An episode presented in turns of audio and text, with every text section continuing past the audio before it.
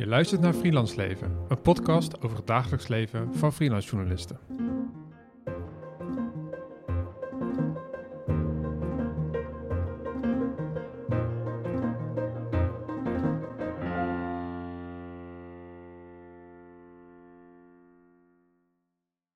Leuk dat je luistert naar weer een nieuwe aflevering van Freelance Leven. Gemaakt door mij, Sanne Poot, freelance journalist, en Erwin van het Hof, PhD-onderzoeker.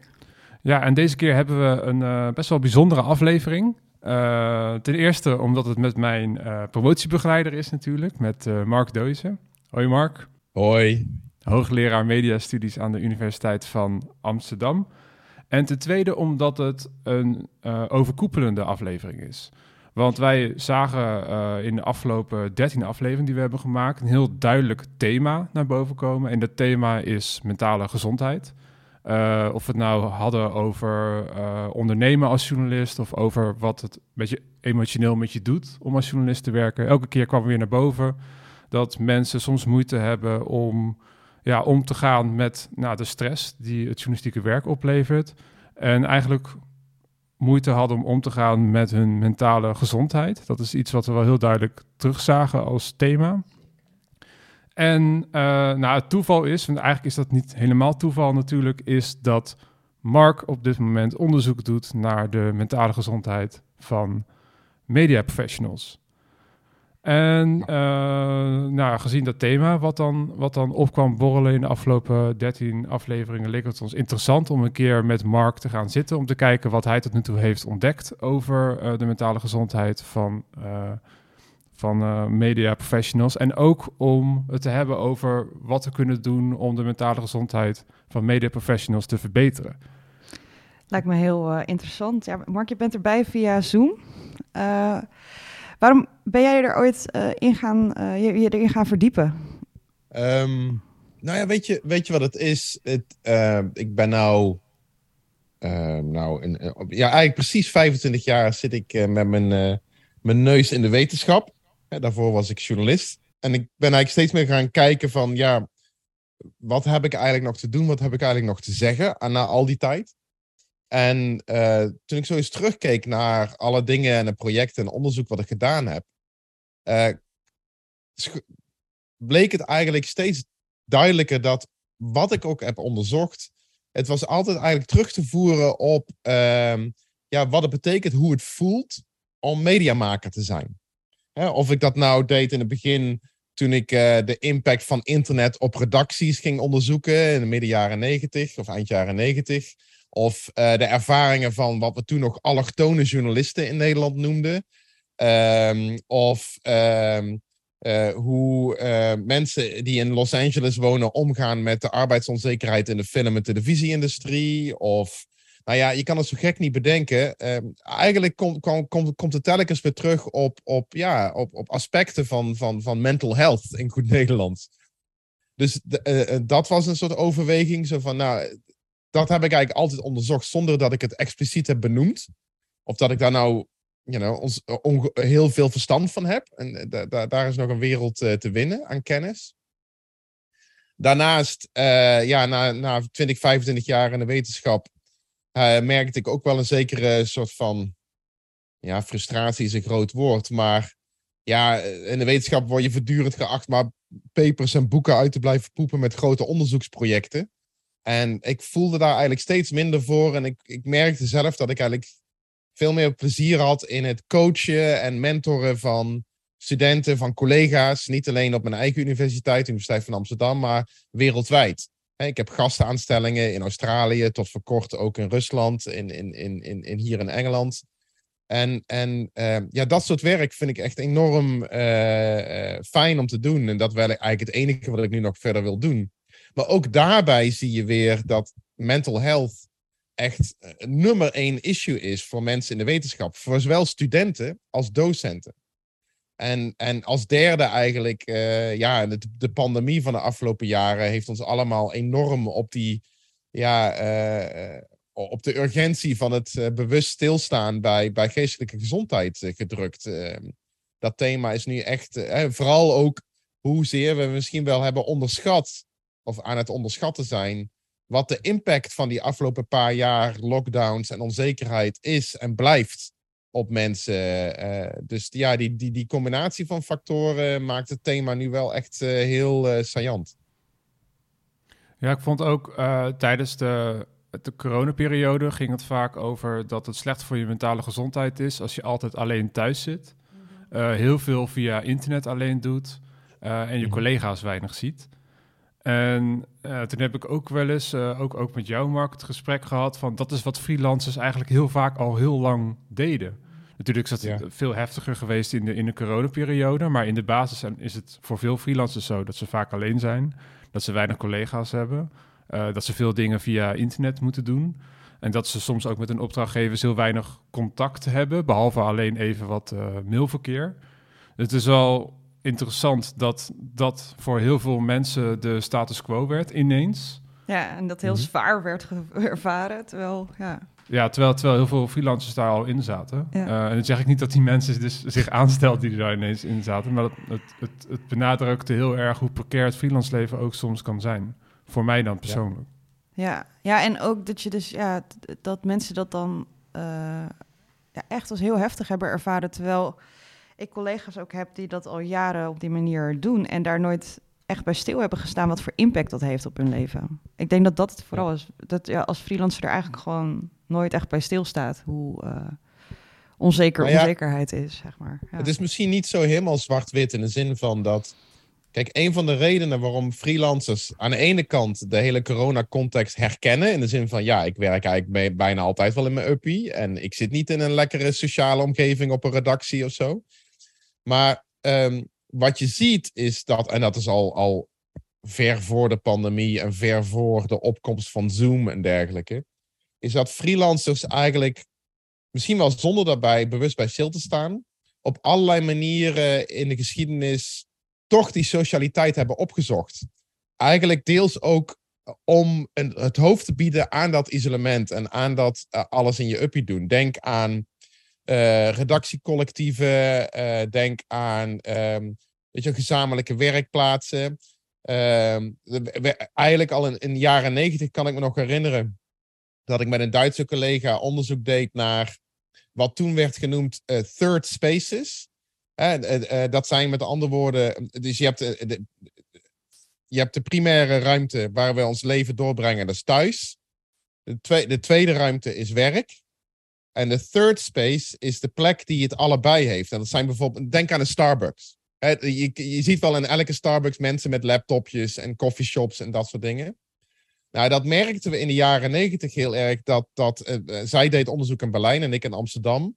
Dat die mensen die in die coffeeshops met laptops zitten, dat zijn bijna zonder uitzondering zelfstandige ondernemers. En vaak ook media professionals. En wat zij dus doen, is eigenlijk die sociale omgeving van een redactie sublimeren. En, en dat hebben freelancers altijd al gedaan. Dus het grote verschil is niet zozeer thuiswerken of in een redactie werken. Het verschil is dat mensen die gewend zijn op een redactie te werken, opeens niet wisten wat ze met zichzelf aan moesten. Want zij zijn niet gewend om daar oplossingen voor te verzinnen. En wat ik wel heel interessant vind, de afgelopen maanden heb ik echt met veel um, met name ook met journalisten gesproken in verschillende delen van de wereld die vast op redacties werken. inclusief bijvoorbeeld journalisten van de New York Times en The Guardian en zo. En wat die vertelden, vond ik wel heel opvallend, is dat juist omdat ze tijdens de pandemie opeens allemaal zaten te vergaderen via Zoom, is er nu veel meer ruimte gekomen om het met elkaar over mental health te hebben. Waarom? Omdat je elkaar zag thuis met een hond in de achtergrond, of een baby die rondkruipt, of een partner die even langskomt om te vragen wat we hebben van de supermarkt nodig. En opeens worden we allemaal echte mensen, in plaats van professionals die elkaar alleen maar zien bij de koffieautomaat. En, uh, en dat maakt, schept ruimte om het met elkaar over mens zijn te hebben. En uh, kijk, als journalist heb je het maar te slikken. Hè? Onzekerheid, isolatie, frustratie, wat voor gevoel dan ook. Maar als mens hoeft dat helemaal niet. Dus in die zin uh, maakt de pandemie en dat praten via Zoom ook weer ja, eigenlijk een hele mooie discussie mogelijk over mens zijn als professional. Ja, interessant. Ik vind dat. Uh, ik zit even na te denken hoe zit dat bij mij. Als ik kijk naar de uh, videovergaderingen die ik heb gehad met collega's, dan inderdaad kijk je wel van, oh, je hebt een kind. Dat wist ik helemaal niet. Die moet je dus ook onderhouden voor jouw freelance werk. Uh, dat zijn allemaal dingen die je dan ineens veel beter gaat begrijpen als iemand dan altijd een stuk te laat is of eerder weg moet, omdat je dan ja, bijvoorbeeld een kind op moet halen. Um, ja. dat is wel herkenbaar. Je stuurde ter voorbereiding op dit gesprek, want je bent hier duidelijk, zit, zit die diep in. En je stuur, stuurde een aantal aantekeningen door van een paper over mental health waar je mee bezig was. En mhm. een, een, term die erin voorkomt, of een concept wat ik heel interessant vond, was organizational justice. Kun je daar iets meer over vertellen? Ik werk voor mijn onderzoek op dit moment samen met een goede vriendin en collega Karen Nieuwenhuizen op het Amsterdamse Medisch Centrum. En zij specialiseert zich in uh, aspecten van werk waarvan het, het, bekend is dat ze uh, geestelijke gezondheidsproblemen veroorzaken. Dus zij doet met haar team onderzoek naar, nou goed, iedereen maakt van alles mee op zijn of haar werk. en dat zijn allemaal dingen die in theorie problemen kunnen veroorzaken. Uh, arbeidsonzekerheid, uh, een klote baas hebben, collega's die weet je, voortdurend haantjesgedrag hebben. Nou, je, bedoel, je kan van alles bedenken. Um, maar wat van die factoren weten we nou verklaren dat mensen echt problemen krijgen? Dus echt bijvoorbeeld in therapie moeten of aan de, de antidepressiva of wat dan ook. En uit haar onderzoek, dat is eigenlijk zo'n soort meta-onderzoek, en dit gaat niet specifiek over journalisten of mensen in de media, maar over allerlei soorten beroepen, is uh, organizational justice echt wel een van de meest verklarende factoren. Uh, en wat is dat nou? Dat betekent van in hoeverre de, de, de, de omgangsvormen, de procedures, de spelregels, de protocollen op je werk, of jij ervaart dat die rechtvaardig zijn. Hè, bijvoorbeeld, ehm, dat de mensen die, die een promotie krijgen, of een wat extra salaris krijgen, of naar een hogere functie gaan, dat het inderdaad ook de beste mensen zijn. En niet bijvoorbeeld neefjes en nichtjes van de hoofdredacteur. Of dat ehm, de manier waarop mensen betaald worden uh, klopt. Hè? Dat bijvoorbeeld mannen en vrouwen uh, hetzelfde krijgen voor hetzelfde werk. Um, of dat bijvoorbeeld um, dat er geen dat de manier waarop mensen met elkaar omgaan, denk bij redactievergaderingen, dat dat fair is. In plaats van dat bepaalde mensen eigenlijk altijd aan het woord komen en andere mensen voortdurend het woord gesnoerd wordt. Of dat er eh, geen sprake is van seksisme of racisme of wat dan ook uh, in, in, een werk. Nou goed, er zijn allerlei voorbeelden van, van, van ja, uh, organisatorische rechtvaardigheid in goed Nederlands. En als je die bij elkaar pakt, dan heb je een, een model van organizational justice. En als, dat, uh, als die, die rechtvaardigheid heel ontbreekt of heel laag is, dan leidt dat eigenlijk per definitie tot een enorme stressvolle werksituatie, die vroeg of laat mensen gewoon in de problemen brengt. Ja, wat ik wel interessant vond uh, aan, jou, aan jouw aantekeningen is dat in de journalistiek dat het niet zo heel goed uh, gesteld is met die organisatorische rechtvaardigheid. Om het inderdaad in goed Nederlands even te zeggen. Um, en, en voordat we deze opname begonnen, had, vroeg ik ook even aan Sanne, aan jou, van, van nou ja, je hebt die aantekeningen gelezen. Uh, eigenlijk is een overkoepelende conclusie is van, is werk in de journalistiek gezond voor, uh, goed voor je geestelijke gezondheid? Nou, in heel veel gevallen is dat uh, niet zo, moet je echt uitkijken. Dat is een beetje helemaal de platte vertaling van, van wat, ik, wat ik gelezen heb. Hoe mhm. vond jij dat, om dat zo te lezen? Ja, ik merkte dus terwijl ik het aan het lezen was, dat ik gelijk een soort van relativeringsslag ging maken op alles wat er stond.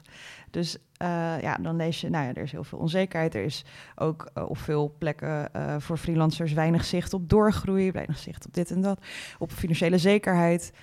En dan ben ik dat aan het lezen en dan denk ik, ja, ja, maar mijn vrienden die in het onderwijs werken of in de zorg, die hebben het eigenlijk nog veel zwaarder die hebben tijdens corona, uh, terwijl ik, weet je wel, veilig thuis aan het werken was, uh, allemaal mensen opstaan vangen. En ik merk dat ik dus gelijk heel erg in het stukje zit van, ja, maar het valt eigenlijk allemaal wel mee. Ik mag me niet aanstellen. het toch, ja, ik vond het is een beetje dat, dat zelfpity. En ook als ik het dan hardop zeg, uh, wat dan de, de, de aanbevelingen zijn, en ik heb het erover met mijn vriend bijvoorbeeld, die heeft dan zoiets van, ja, wat doe je dan nog in die journalistiek?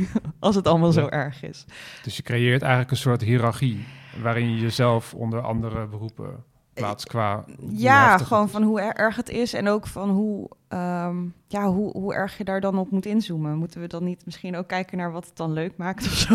Ik heb gelijk het idee van, ook van ja, je beroep wordt een soort van... Uh, aangevallen af en toe. Voel je dat? Ja, tenminste, zo voel ik dat ook wel een beetje. Dat die kritiek erop is. Uh, ja, ook wel een beetje alsof ja, het is geen gezond beroep. Maar ik krijg, ik krijg ook heel erg de neiging om dat dan weer te gaan verdedigen. Van het is wel heel belangrijk voor de samenleving. En uh, ja, ja, waar komt die verdediging dan? Ja, Want ik iets denk. kan toch belangrijk zijn voor de samenleving Ja, en tegelijkertijd En goed hoe- voor je. Ja, en heel ongezond. Ehm, ik denk dat dat er ook aan ligt dat ik het voor mezelf wil blijven verdedigen dat ik in dit eh, werkveld zit. Wat misschien niet altijd even goed voor me is. Ehm, dus ik, ja, ik, ik, ik merk dat daar dan weer een persoonlijke nukkigheid in komt. Waarvan ik denk, ja, het valt allemaal wel mee. Andere mensen hebben het veel zwaarder als ik eh, zeg maar, de overstap zou maken naar het onderwijs of naar de zorg.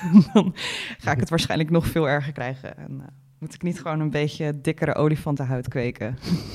dat idee. Ja.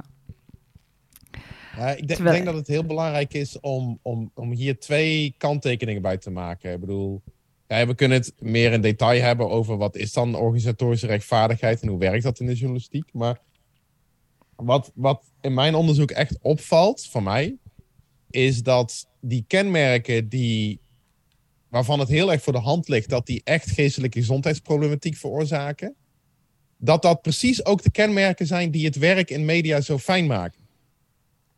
Met andere woorden, het is niet eenduidig. Het is niet zo van, nou, omdat het echt super vaag is wie wat betaald krijgt en wie, wie bijvoorbeeld bevorderd wordt in, in de media of in de journalistiek. Daardoor komen mensen in de problemen, in de stress. Nee, maar die vaagheid is juist ook fijn in de zin van, ja, eh, alles is mogelijk. Weet je, je kan eigenlijk heel snel heel hard doorgroeien in, in de media en op een hartstikke fantastische plek terechtkomen waar je echt eh, vrijheid hebt en kan doen wat je wil doen. Dus, dus het is niet zo simpel. Hè, dat nou, dit zijn alle factoren die problemen veroorzaken. Oh, die zijn allemaal aanwezig in de journalistiek. Dus het is een slecht eh, beroep of een beroep wat slecht voor je gezondheid is. Nee, diezelfde factoren maken het beroep ook zo fijn. Dus het, is, het wordt veel belangrijker om na te gaan bij jezelf, hoe je het ervaart. Nou, en dan die kramp die je dan inschiet, zo van ja, if you can't stand the heat, stay out of the kitchen. Dat soort dingen, van het hoort er nou eenmaal bij. En eh, journalistiek is geen beroep, maar het is een passie. En, en nou, is allemaal van dat soort. Ik denk dat het heel belangrijk is om te erkennen, dat niet gaan beoordelen, maar te erkennen dat dat eh, in goed Nederlands coping mechanisms zijn. Hè, dat zijn manieren om inderdaad jezelf houding te geven in dat vak. Niet per se slechte manieren, eh, maar dat, is, dat, dat, dat zijn eigenlijk geen reële dingen. Journalistiek is natuurlijk gewoon een beroep. Je werkt gewoon voor een hypercommerciële industrie. Wat is nou voor flauwekul dat dat je passie is? Eh, fijn dat het je passie is, maar uiteindelijk ehm, is, is je krijgt gewoon een salarisstrookje of je krijgt betaald voor je werk. Dus bedoel, het is gewoon een keiharde economische transactie. En dat betekent dat je ook niet zonder rechten bent eh, in zo'n zo'n omgeving. En dat je best bij jezelf kan nagaan van, nou, dit zijn aspecten van het vak, hoe precair ook, die voor mij oké zijn. Maar dit soort dingen echt helemaal niet. En dat, dat, ik vind dat, dat, daar, dat je daarin ook makkelijker verantwoordelijkheid kunt nemen voor je eigen rol en positie eh, eh, eh, daarin. Dus, eh, eh, dus in de kern, ehm, ehm, de- dezelfde dingen die je ziek kunnen maken, zijn ook de dingen die plezier geven. Dus dat, dat is de, de paradox die in al, alle, alle creatieve beroepen zitten. En dus ook in de journalistiek. En ehm, dat het, het, het, wat bewuster stilstaan bij wat het werk met je doet. eh, je ook in staat stelt om daarin een, een, een, een grens aan te geven tussen waar je erin zit als persoon.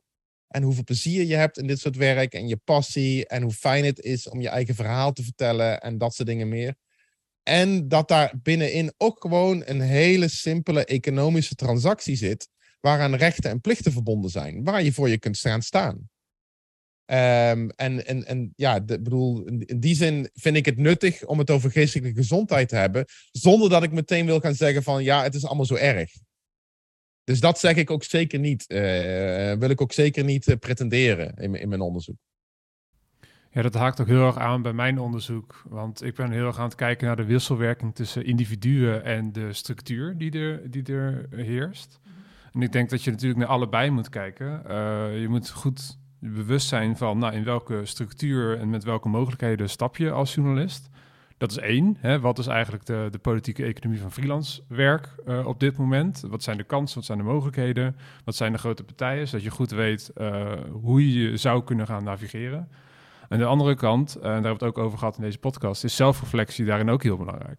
Want wat wil ik zelf? Hoe, wat vind ik zelf prettig om te doen? Hoe zou ik zelf mijn eigen leven in willen delen? Um, wat zijn de andere buiten, buiten mijn werk dingen die ik zou willen doen? Of, of mensen uh, voor wie ik zou willen zorgen? Dus heel dat, dat complete pakket aan wie jij bent als persoon.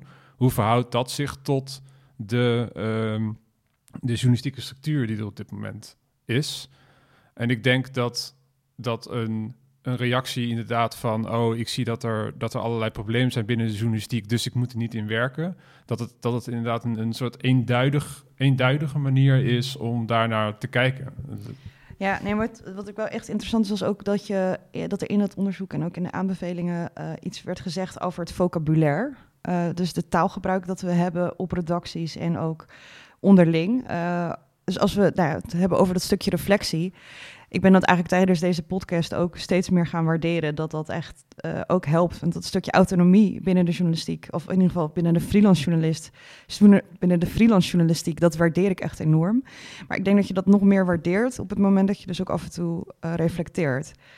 En als je dat vocabulaire niet hebt om het te hebben over je mentale gezondheid, dan kan je er ook niet bij stilstaan. En ik denk dat dat wel iets is wat eigenlijk misschien ook al in het journalistieke onderwijs naar voren zou moeten komen. Um, om dus even te checken van hoe, deel, ja, hoe ga ik om met stress, hoe ga ik om uh, met onzekerheid. Um, als je daar al eerder over begint, dan is dat ook uh, iets wat je mee kan nemen in je eigen praktijk, zeg maar.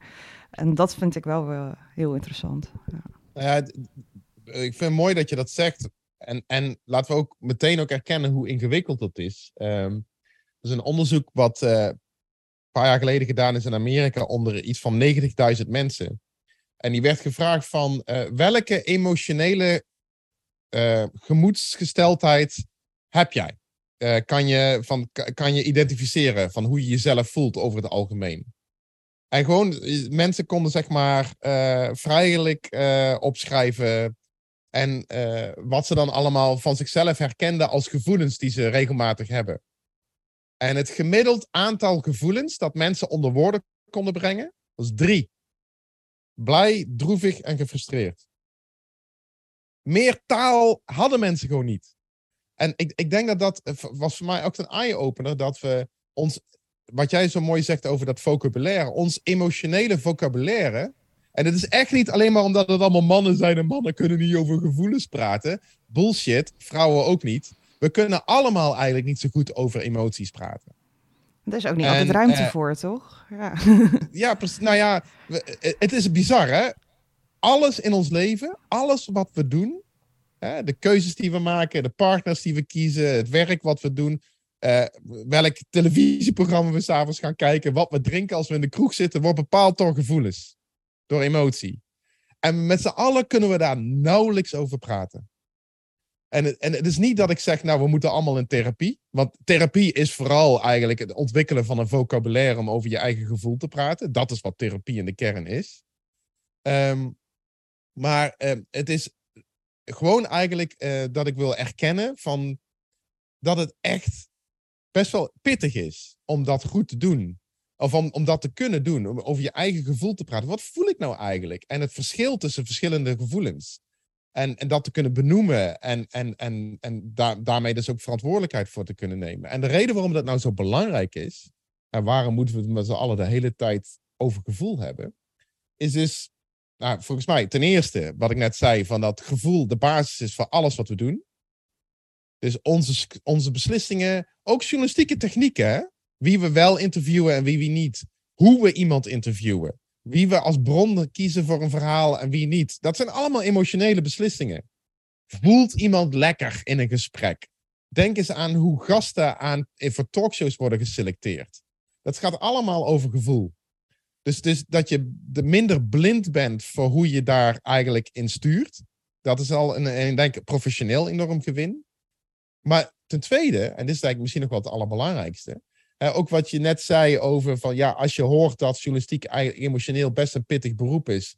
Dat je dan meteen een soort van defensie schiet. Zo van ja, maar dat valt dan wel mee vergeleken met andere beroepen. En nou ja, dat hoort er ook alleen maar bij en dergelijke. Wat dat betekent, is eigenlijk wat je op dat moment aan het doen bent, is, is, is aan jezelf vertellen van ja, maar ik ben als mens journalist. Mijn hele mens zijn is betrokken bij het werk wat ik doe. ik zit daar persoonlijk tot aan mijn nek in. Ik kan eigenlijk nauwelijks een onderscheid maken tussen werken en niet werken. Dat wil ik ook helemaal niet, want dit, ik doe dit voor mijn lol, ik doe dit voor plezier. We hebben het zelfs over passie gehad. En, en, en het feit van dat de journalistiek een beroep is waar je als volledig mens in bent, hè, waarin je lichaam op allerlei manieren betrokken is, alles wat je voelt, uh, je, je, alles wie je bent, vereenzelvig je met dat werken. Nou, dat is, dat is wel hartstikke mooi. Maar dat betekent dus ook dat het super belangrijk wordt om na te gaan denken over je emoties en hoe je emotioneel in je werk staat. Want blijkbaar is dat een bouwsteen van je beroepsidentiteit, waar je toch op de een of andere manier blind voor bent. Dus het, is, het, is, het, zijn die, zijn die twee redenen die het alleen al heel belangrijk maken, of in ieder op zijn minst interessant maken, om het een keer over gevoelens te hebben. Ja, wat ik zelf ook, ook uh, zie, is dat uh, met, de, met de interviews die ik met freelancers heb gedaan, ook voor, uh, voor het boek wat ik eerder over freelance journalistiek heb geschreven, is dat journalisten die meer bezig waren met hun gevoel. Echt met van wat voel ik en wat vind ik heel belangrijk. Of, of wat voelt goed en wat voelt niet goed. Dat die mhm. eerder kritische keuzes konden maken over hoe zij zelf zich positioneerden binnen de journalistiek. Om een heel praktisch voorbeeld te geven. Ehm, in de journalistiek heb je natuurlijk allerlei normatieve kaders en aannames over van wat is goede journalistiek en wat zou een journalist wel of niet moeten doen. En ik denk als jij zelf niet zo heel erg ehm, in check bent met wat jij zelf vindt, wat je zelf belangrijk vindt, dan is het natuurlijk heel makkelijk dat andere mensen voor jou gaan vertellen wat goed en slecht is. Dus dan ben je ontvankelijker voor bepaalde normatieve kaders. Zoals uh, een journalist moet altijd 24 eh, uur per dag werken en overal verhalen zien. Ik zeg maar iets. Die, die heb ik tijdens mijn opleiding echt uh, oneindig gehoord. Staat altijd aan. Ja, En dat kan, het kan dat dat heel erg bij jou past. En dat je daar energie van krijgt en dat je daar heel gelukkig van wordt. Maar het kan ook heel erg zijn dat als jij, als jij reflecteert op jezelf, dat je denkt van nou, ik ben nou niet een persoon die, die dat heel prettig vindt. Dus ik denk dat daarom ook, om het even heel concreet te maken, heel belangrijk is om zeker in het specifieke geval van de journalistiek goed na te denken van wat is mijn interpretatie daarvan? Wat is mijn in dagelijkse indeling binnen de journalistieke wereld waar ik, waar ik energie van krijg en die mij, bij mij past. Nou, het is wel, misschien wel ook wel goed, juist in dit verband, om een onderscheid te maken tussen uh, geestelijke gezondheid, hè, mentale gezondheid, hè, uh, en welzijn. Want je kan bijvoorbeeld voelen dat het journalistieke werk wat je doet, en Sanne, dat hoor ik jou ook een beetje zeggen, is dat het enorm veel ja, dat, het, dat het heel betekenisvol is. Dat het, dat het en plezierig is. Dat je voelt dat je iets doet wat belangrijk is voor de samenleving. Of op zijn minst voor je doelgroep. Um, dat je de onderwerpen die je tackelt, dat zijn onderwerpen waar je in gelooft. Waar je vindt dat die belangrijk zijn, dat die wezenlijk zijn, dat die een verschil maken. Dat, dat is allemaal prachtig. Hè? Dus je kan, je kan heel hoog scoren op welzijn.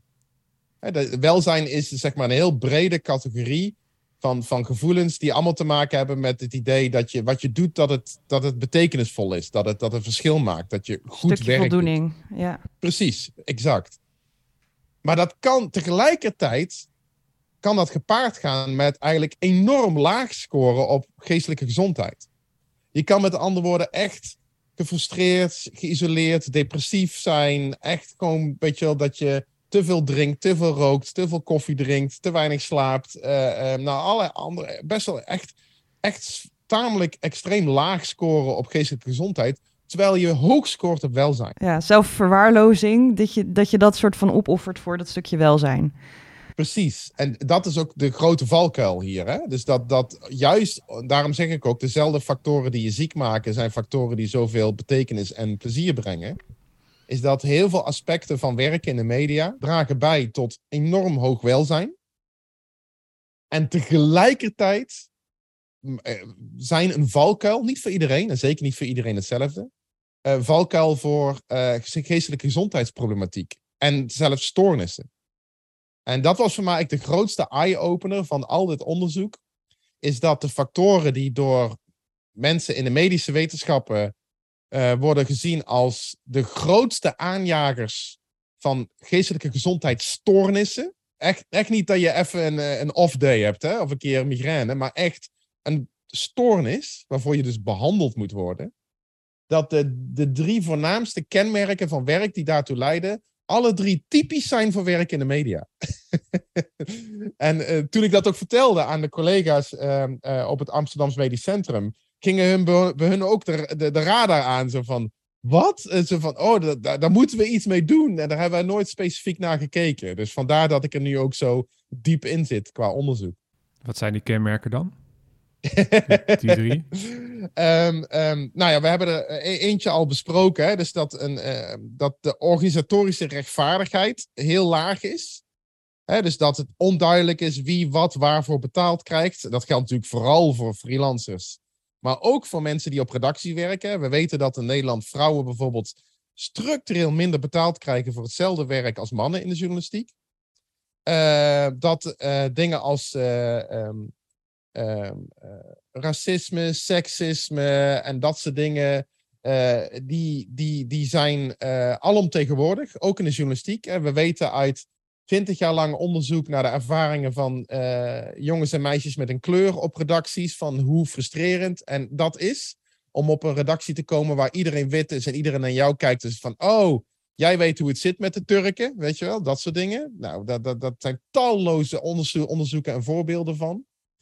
Uh, um, uh, ik weet ook uit eigen onderzoek van wat ervaringen van jonge vrouwen in de journalistiek. Met seksisme, met discriminatie, met vervelende opmerkingen, met, met gezeik en gedoe, met name door oudere mannelijke collega's. Dat is schering en inslag, ook tegenwoordig nog. Nou, dat is ook een voorbeeld van low organizational justice. Nou goed. Dus dat is een van die drie factoren. Een andere factor is dat er een enorme imbalans is tussen, of een wanbalans tussen de mate waarin je je inzet voor het werk en wat je daarvoor terugkrijgt. En dat betekent niet alleen salaris of, of bijvoorbeeld een tarief. Hè? Ik bedoel, eh, alle, alle freelancers weten dat je veel meer uren maakt voor verhalen, rapportage, dan, voor, dan dat je ervoor betaald krijgt. Enkele uitzonderingen daar gelaten, maar dat is in principe de, de, de, de bottom line. Um, maar het is niet alleen salaris, het is ook andere arbeidsvoorwaarden pensioenregelingen, uh, ik bedoel, uh, dingen als uh, kinderopvang, aandacht überhaupt voor de hele thematiek waar wij het vandaag over hebben in deze podcast, is bijna nul op alle redacties. het is nauwelijks bespreekbaar dat je bijvoorbeeld misschien wel eens een keer hulp nodig hebt of advies zou willen. Um, er zijn wat dat betreft um, is de ervaring van verreweg de meeste mensen in de media, journalisten in het bijzonder, dat er eigenlijk weinig controle is over je carrière. Dat betekent dus dat het niet zozeer is, je kan eigenlijk niet of nauwelijks bepalen dan als ik een bepaalde periode lang dingen heel goed doe, dan ga ik groeien in de organisatie of in het beroep. En dan kom ik op een positie van meer stabiliteit. Of dan uh, krijg ik meer betaald. Of dan ga ik uh, een treedje hoger in de organisatie. Nou, dat ligt helemaal niet voor de hand. Dat is totaal onvoorspelbaar. En het heeft vaak ook niets te maken met hoe goed of slecht je bent. Nou, dat is een voorbeeld van dat er een echt een wanbalans is tussen hoeveel je investeert in het werk en hoeveel je ervoor terugkrijgt. En een derde eh, element, hè, naast de organisatorische rechtvaardigheid en die wanbalans, is um, de druk die op het werk staat. Natuurlijk, werkdruk uh, hoort erbij, bij, en dat geldt voor alle, allerlei beroepen. Maar um, als die werkdruk, zeg maar, echt objectief uit de hand loopt, dan leidt dat per definitie tot gezondheidsproblematiek. Nou, denk aan wat, er nou, wat is nou echt een grote verandering geweest in de laatste 10, 15 jaar in de journalistiek qua werkdruk. En dat, eh, de voornaamste verandering is digitalisering. En dat betekent dat de deadline, die eerst heel nadrukkelijk samenhang met, hing met bijvoorbeeld de drukpers en het uitzendschema, is nu permanent in een digitale context. Hè? We leven in een 24-uurs nieuwseconomie. Er is niet zoiets als je verhaal inleveren en dan naar huis. Um, dan is het ook belangrijke mate dankzij digitalisering, is dat de technologie waarmee je werkt als journalist constant verandert. Wat ook betekent dat je een significant deel van je tijd ben je eigenlijk bezig, al dan niet bewust, jezelf nieuwe dingen aan te leren of oude dingen af te leren. En dat is permanent. Nou, dat is een, objectief en meetbaar uh, heeft dat impact op je uh, geestelijke gezondheid. Ehm, nou, we hadden het eerder over al over dat, dat er in de journalistiek een heel sterk cultuur heerst van ja, in goed Nederlands, tough it up. Weet je wel, van hé, hey, je hebt hier nou eenmaal voor gekozen, dit hoort er nou eenmaal bij ja, uh, repressie van heftige gevoelens is, uh, nou ja, een, een, een one-way uh, track naar gezondheidsproblematiek. dingen onderdrukken, dingen niet erkennen, dingen verplaatsen naar andere delen van je leven. dus de, alle, ellende verhalen op, op je partner of op je kinderen of op de verwaarlozing, zelfverwaarlozing, ligt enorm voor de hand in, in creatieve beroepen. Plus, en uh, dat is nu gelukkig wel een beetje aan het veranderen, is dat de retoriek van het bedrijf in de journalistiek, hè, dus de uitgevers, de omroepen, is altijd, we moeten meer met minder doen. Het is constant verhaal van, ja, de budgetten worden minder, het publiek loopt weg, advertentieinkomsten gaan omlaag, we moeten de broekriem aanhalen, we moeten economischer opereren. Ik bedoel, dat is gelukkig nu een beetje aan het veranderen, want het gaat over het algemeen best goed met nieuwsmedia op dit moment. Maar tot voor kort was dat het verhaal. Uh, nou ja, als je continu. Uh, ik doe, doe, me heel erg denken. En ik, ik, ik, zal mijn mond houden, want ik praat te veel. Maar uh, dat is het probleem als je een hoogleraar aan het woord laat in een podcast. het is heel interessant, maar, dus ga vooral door. Maar um, een, een, een, een uitspraak in een interview met een Australische collega in de journalistiek. Die zei van, weet je, ik heb eigenlijk het gevoel dat ik iemand ben die mijn werkgever geld kost. Nou, als je dat je gevoel is waarmee je naar je werk gaat, ja, dan kan je, dat is een inkoppertje dat je daar vroeg of laat problemen van gaat krijgen.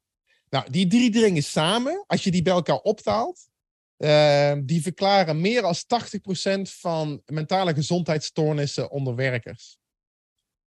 Nou, en die drie dingen, drie, drie dingen zijn dus voor mij alle drie typisch voor werken in creatieve beroepen.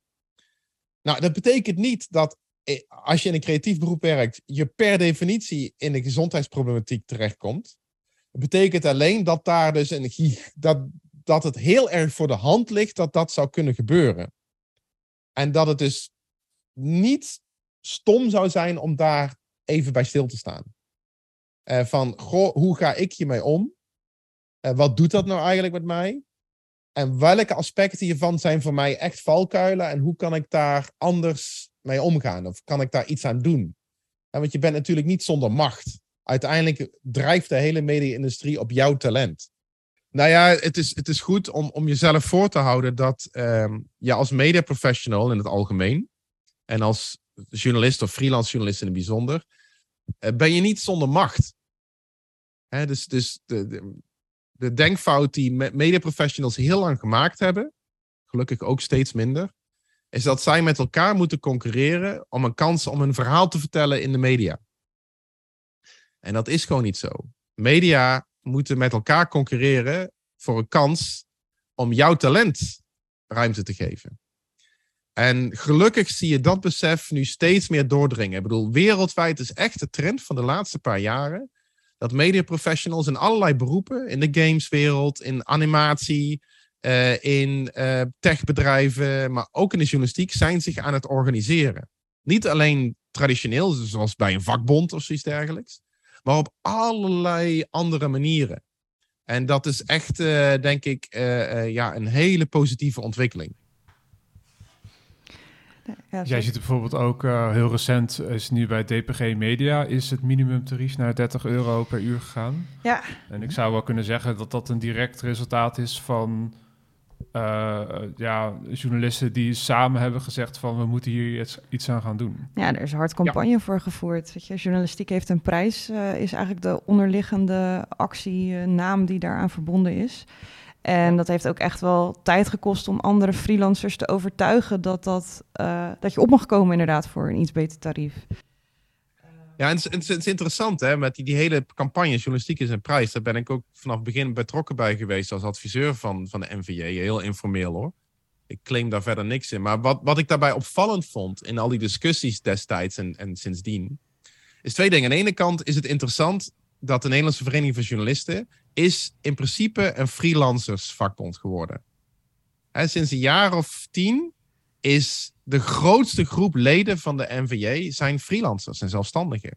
Dus die afdeling van de NVJ is de dominante afdeling nu.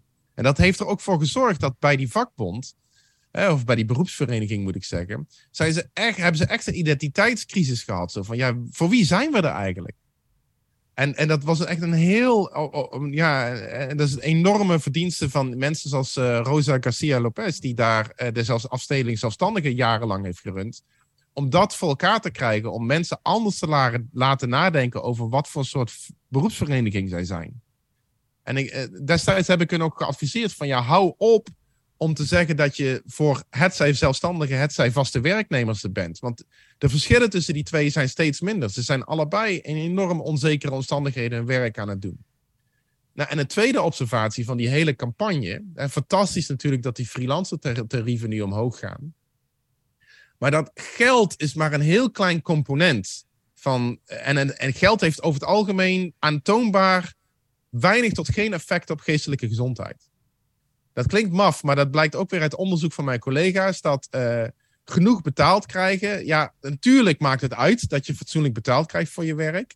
Maar dat, dat maakt maar tot op zekere hoogte uit hoe je je voelt op je werk eigenlijk veel belangrijker zijn dingen als rechtvaardigheid en, en, en, en cultuur en hoe je met elkaar omgaat en, en, en dat soort dingen. Uh, dus serieus ik, ik hoop, wordt, ja, ik hoop dat we nu niet, uh, nu, nu dat de tarieven wat omhoog gaan, dat we nu denken van, uh, nou is het allemaal goed, weet je. de cultuur van de, van, van de, van de media-industrie in het algemeen en die van de journalistiek in het bijzonder is nog steeds eigenlijk tamelijk blind voor wat het werk met mensen doet of kan doen. En hoe eenvoudig het eigenlijk is om daar wat aan te veranderen. Buiten alleen maar prijs en geld. Wat zou er dan nog meer gedaan kunnen worden om de mentale gezondheid van mediaprofessionals te verbeteren? Nou, nummer één is gewoon het bespreekbaar maken. Dus dat er een. En no nogmaals, dat is aan het veranderen. Ik vond het echt een eye-opener de afgelopen maanden van hoeveel journalisten ik gesproken heb. En mensen die vaste producties werken, die, zei, die, me vertelden van ja, weet je, al die videovergaderingen tijdens de pandemie uh, hebben ruimte gemaakt dat we elkaar als mensen zijn gaan zien. En nu vragen we opeens op de redactie aan elkaar van hey, hoe is het uh, met je dochtertje? Want daar ging het even niet goed mee op school. Of uh, hey, ben je eruit gekomen met de zorg voor je ouders? Want ik kan me nog herinneren dat je toen telkens weg moest bij de Zoom-vergaderingen om weer naar het verpleeghuis te gaan. Of Weet je, dat soort dingen zijn nu opeens normale onderwerpen. En, en, en, en dat zegt heel veel over hoe de cultuur in die industrie tot die tijd was. En dan hoeft het echt niet de hele tijd te gaan over hoe, we, hoe je je voelt. maar dat dat oké is. Dat het normaal is om bijvoorbeeld bij een redactievergadering te beginnen met van... hey, hoe is het eigenlijk met iedereen? En dus, dus dat, heb ik, ik heb het dus eigenlijk over cultuur. Hè? De cultuur van een organisatie waarbinnen het normaal is om het met elkaar te hebben over hoe het met je gaat. Ehm, dus dat moet veranderen. Uh, de tweede ding wat echt moet veranderen is dat organisaties, zowel individuele mediabedrijven als uh, grotere overkoepelende organisaties, zoals eh, eigenaars, uitgevers, omroepstructuren, beroepsverenigingen, dat die echt structureel gaan investeren in middelen om mensen te helpen die het moeilijk hebben. Op wat voor manier dan ook. En dat kan financieel zijn, dat is mooi. Maar ook dingen als uh, uh, het makkelijker, uh, flexibeler omgaan met werktijden, met verlof. Ehm, met, ehm, ehm, je ziet dat ook wereldwijd. En mediabedrijven zijn gaan investeren in bijvoorbeeld eh, mental health days. eh, eh, workshops daarop aanbieden. Bijvoorbeeld de eerste zes of tien sessies met een, een coach of therapeut gratis beschikbaar stellen. Allemaal van dat soort dingetjes. Eh, er zijn, in de reclamewereld is het nu heel normaal als je een baan krijgt, dat je dan gratis een app op je telefoon erbij krijgt die goed is voor mental health, zoals Headspace of Maven of zoiets dergelijks. maar het, zijn allemaal kleine dingetjes die samen eh, eh, op zijn minst het gevoel geven van, ja, weet je, als, als ik het even niet meer zie zitten of het niet meer red, dan is er een vangnet. En dat is niet alleen maar financieel. Hier heb je er een paar tientjes per maand bij. Ja, dat maakt niet zoveel uit als je depressief bent. Maar met al dat onderzoek wat er dan gedaan wordt en die eh, aanbevelingen die gedaan worden, wordt het dan ook niet voor mediaorganisaties steeds duidelijker dat als ze hier een beetje ruimte voor inrichten in hun redacties, dat ze zelf ook meer winst kunnen maken? Want iemand die goed in zijn vel zit, die kan je veel langer inzetten. Als in, Ja, levert Nou zelf ja, ook is- gewoon uit economisch oogpunt toch ook gewoon wat op op deze manier. Nee, precies. Ik bedoel, dat is de, in goed Nederlands de happy productive worker thesis. Dus eh, mensen die, die blij en gelukkig zijn op hun werk, eh, produceren meer en beter.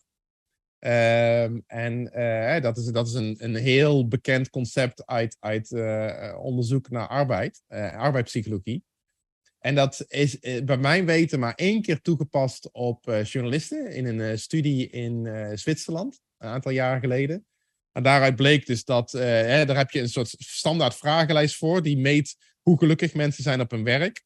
En eh, die, s- die scoren, als die boven een x eh, getal is, dan, dan is er een, een rechtstreeks verband tussen blije mensen en productiviteit. Nou, en journalisten scoren daar ongelooflijk laag op. dus ehm, dus daar- maar goed, dat is een studie van echt wel een jaar of acht geleden. Maar dat is de enige keer dat ik me kan herinneren, dat ik uit de literatuur weet dat het zo letterlijk is toegepast op journalistiek. Eh, maar je hebt helemaal gelijk. Ik bedoel, er is heel duidelijk een, een verband tussen hoe mensen zich op hun werk voelen en hoe goed ze dat werk doen.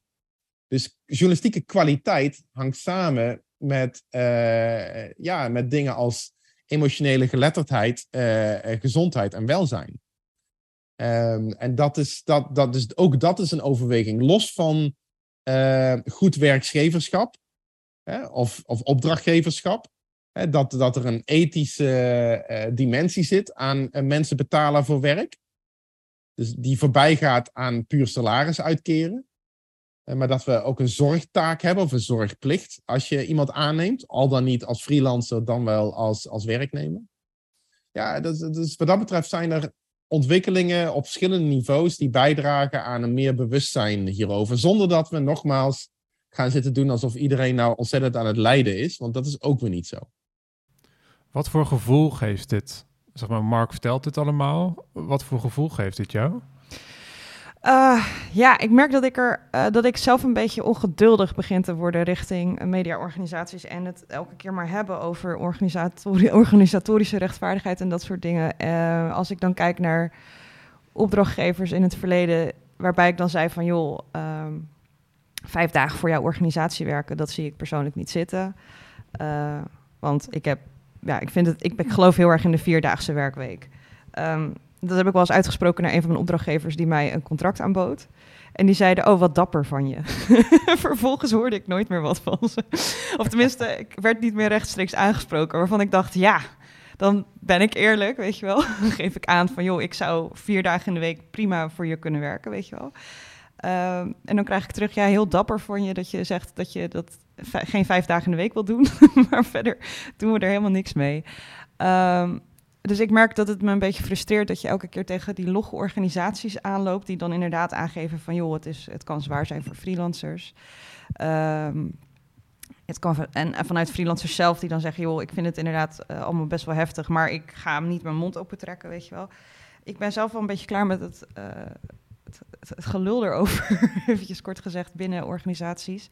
Ehm, en ik merk dat ik zelf heel erg behoefte heb aan gewoon concrete handvatten om samen met opdrachtgevers te zoeken naar manieren waarop het werk eh, ja, ook gewoon meer werk wordt, wat je ook af en toe eventjes kan pauzeren. En uh, ja, ik merk dat, ja, dat dat het een beetje op, bij mij oproept op dit moment.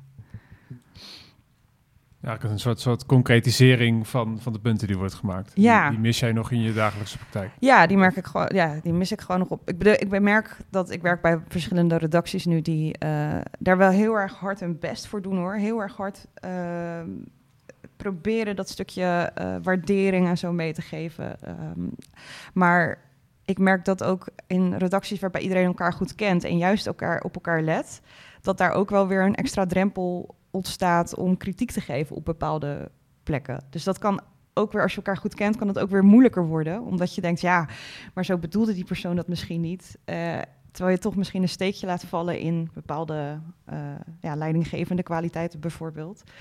Dat dat dan ook nog extra moeilijk wordt om te benoemen omdat je elkaar dus zo ziet als mensen. Benadrukt denk ik ook weer het belang van de, de bespreekbaarheid en en dat je er zelf goed over kan praten, over wat je behoefte is. Ja. Denk ik. Want als jij komt met een vaag, ik voel me niet zo goed, kunnen we daar iets aan doen? Dan is dat natuurlijk misschien niet concreet genoeg om echt uh, acties aan te hangen. Ja, of als werkgevers vragen van hoe gaat het met je? En dat je dan aangeeft, nou ja, eigenlijk best wel slecht. Want ik heb allemaal, uh, ik heb allemaal heavy dingen lopen in mijn leven op dit moment. Mm -hmm. uh, waar ik het moeilijk mee heb. En dat je dan terug ja, oké, okay, geef aan wat je nodig hebt, bijvoorbeeld. Dat zou heel fijn zijn. Maar als je dan daarna gelijk weer bepaalde acties krijgt die je dan als werknemer of als, als freelancer zou moeten doen, dan voelt het toch een beetje alsof het een punt is dat op een lijstje staat dat moet worden afgestreept. En niet echte interesse, zeg maar. Dus dat moet ook nog een beetje gaan landen, denk ik, bij organisaties. Dus ik denk dat heel veel werkgevers het ook echt wel goed bedoelen allemaal, maar dat echt luisteren naar hoe het gaat met freelancers, dat dat ook nog wel uh, wat vergt.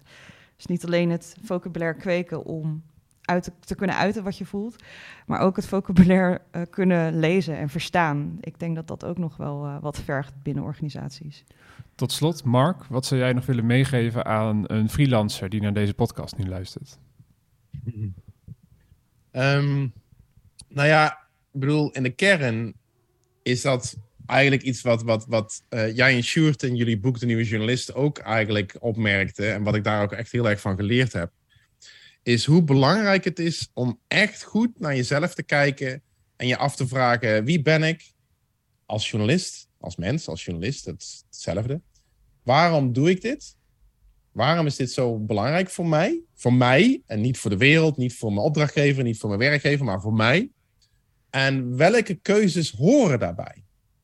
Welke keuzes zijn van mij en niet van. Weet je, dus met andere woorden, welk verhaal wil ik vertellen in plaats van welk verhaal wil het NRC dat ik vertel, zodat ik daar mijn 300 euro, euro's kan verdienen voor een, voor een stukje. En, en, en dat, dat, dat, dat, dat, dat, hoe belangrijk het is om naar jezelf te kijken. En niet veroordelend, niet kritisch, niet uh, met, een, met een karwats in de rechterhand klaar om uh, flinker op te mappen. Van ik moet beter, ik moet harder, ik moet niet zeuren, ik moet, weet je. Nee, gewoon van waarom doe ik dit nou eigenlijk? Wat is hiervan nou eigenlijk echt belangrijk? En dat je dan consequent voor die keuzes gaat. Nou, dat klinkt heel makkelijk. Want het is voor sommige mensen veel makkelijker om dat soort afwegingen te, volgen dan anderen. Eh, als jij uh, geen financiële verplichtingen hebt ten opzichte van een gezin of familie. Als jij uh, toevallig uit een uh, sociaal-economische klasse en cultuur komt die dominant is in het vak of in de samenleving, heb je het makkelijker dan anderen. Nou, enzovoort, enzovoort. Dus ik wil vooral niet zeggen van, oh, als je maar goed naar jezelf kijkt, dan kom je er wel. Maar ik denk wel dat überhaupt dat een eerste stap is. En, en, en het, wat San ook zo mooi zegt, het vocabulaire uitbreiden wat je daarvoor hebt om naar jezelf te kijken. En dan, dan ben je in ieder geval beter in staat om beslissingen te maken die bijdragen aan je eigen welzijn. Um, dus dat, is, dat zou ik echt een, een, een journalist in het algemeen en een freelancer in het bijzonder willen meegeven. Um, ik denk een, een, een, tweede ding is iets wat ik ook altijd aan mijn studenten zeg, uh, waar die ook in de media willen werken, of het nou journalistiek is of film of wat dan ook, is wat je ook doet, doe het niet alleen. Uh, dus dus, dus uh, samen sta je sterker. Uh, niet alleen qua met onderhandelingen en dergelijke, maar ook qua gevoel. ik heb samen met Tamara Witske jarenlang onderzoek gedaan, nog steeds, naar journalistieke start-ups over de hele wereld. En, en iets wat telkens daarbij terugkwam, is hoeveel dat het zo opvalt dat zoveel journalisten, waar ook in de wereld ze werken, elkaar opzoeken en samen ondernemingen beginnen. Met als voornaamste reden niet omdat ze geen baan in de journalistiek kunnen vinden, maar vanwege uh, het sociale component. Lekker samen bezig zijn en mooie dingen maken. Dat is eigenlijk de dominante reden waarom mensen start-ups beginnen. En niet geld verdienen of nou, er is anders geen werk of wat dan ook. En dat is heel belangrijk. En het is ook interessant om te merken dat dus op redacties soms dat gevoel er dus niet is. Van lekker samen mooie dingen maken. Maar meer, ja, ik ben hier omdat mijn werkgever mij betaalt. Wat een heel andere motivatie is. Dus, dus eh, twee dingen uh, in, in, het kort. Uh, kijk goed naar jezelf. En, en probeer steviger te staan in de beslissingen die je neemt als journalist. Dat die passen bij jou en wat jij wil, in plaats van wat anderen van jou verwachten. En het tweede is, wat je ook doet, doe het niet alleen.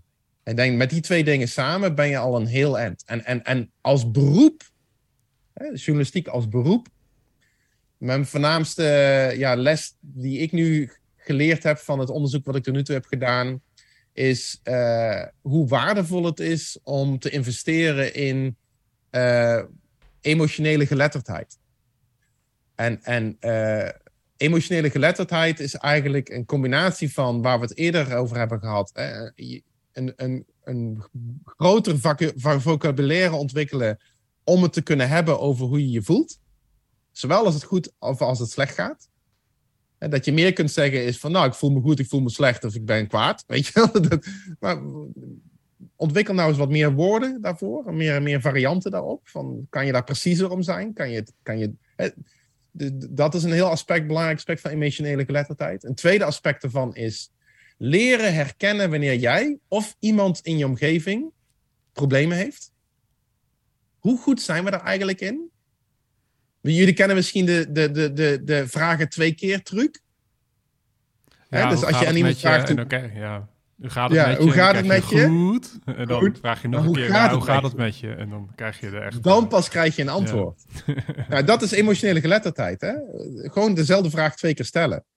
Um, uh, uh, dus hoe goed zijn we in staat om problemen bij onszelf of bij iemand anders te herkennen en te benoemen en daar ruimte voor te maken? Van goh, wil je erover praten? Hoe zit het? Gaat het met je? Hoe gaat het met je?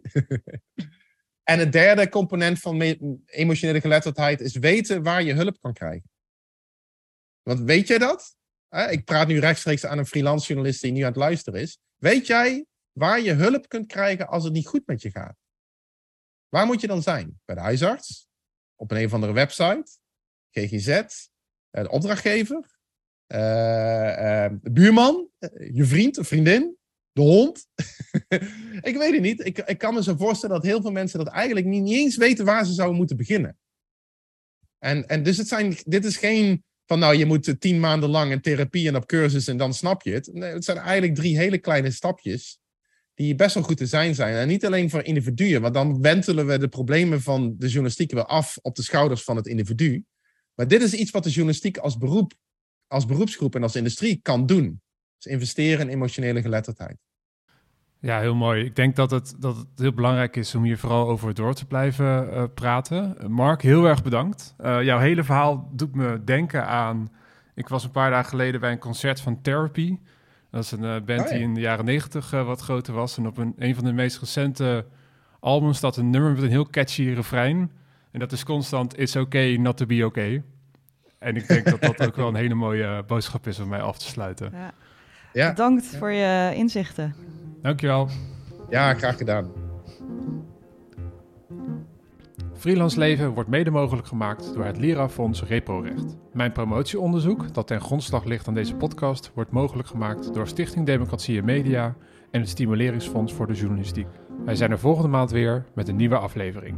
Tot dan!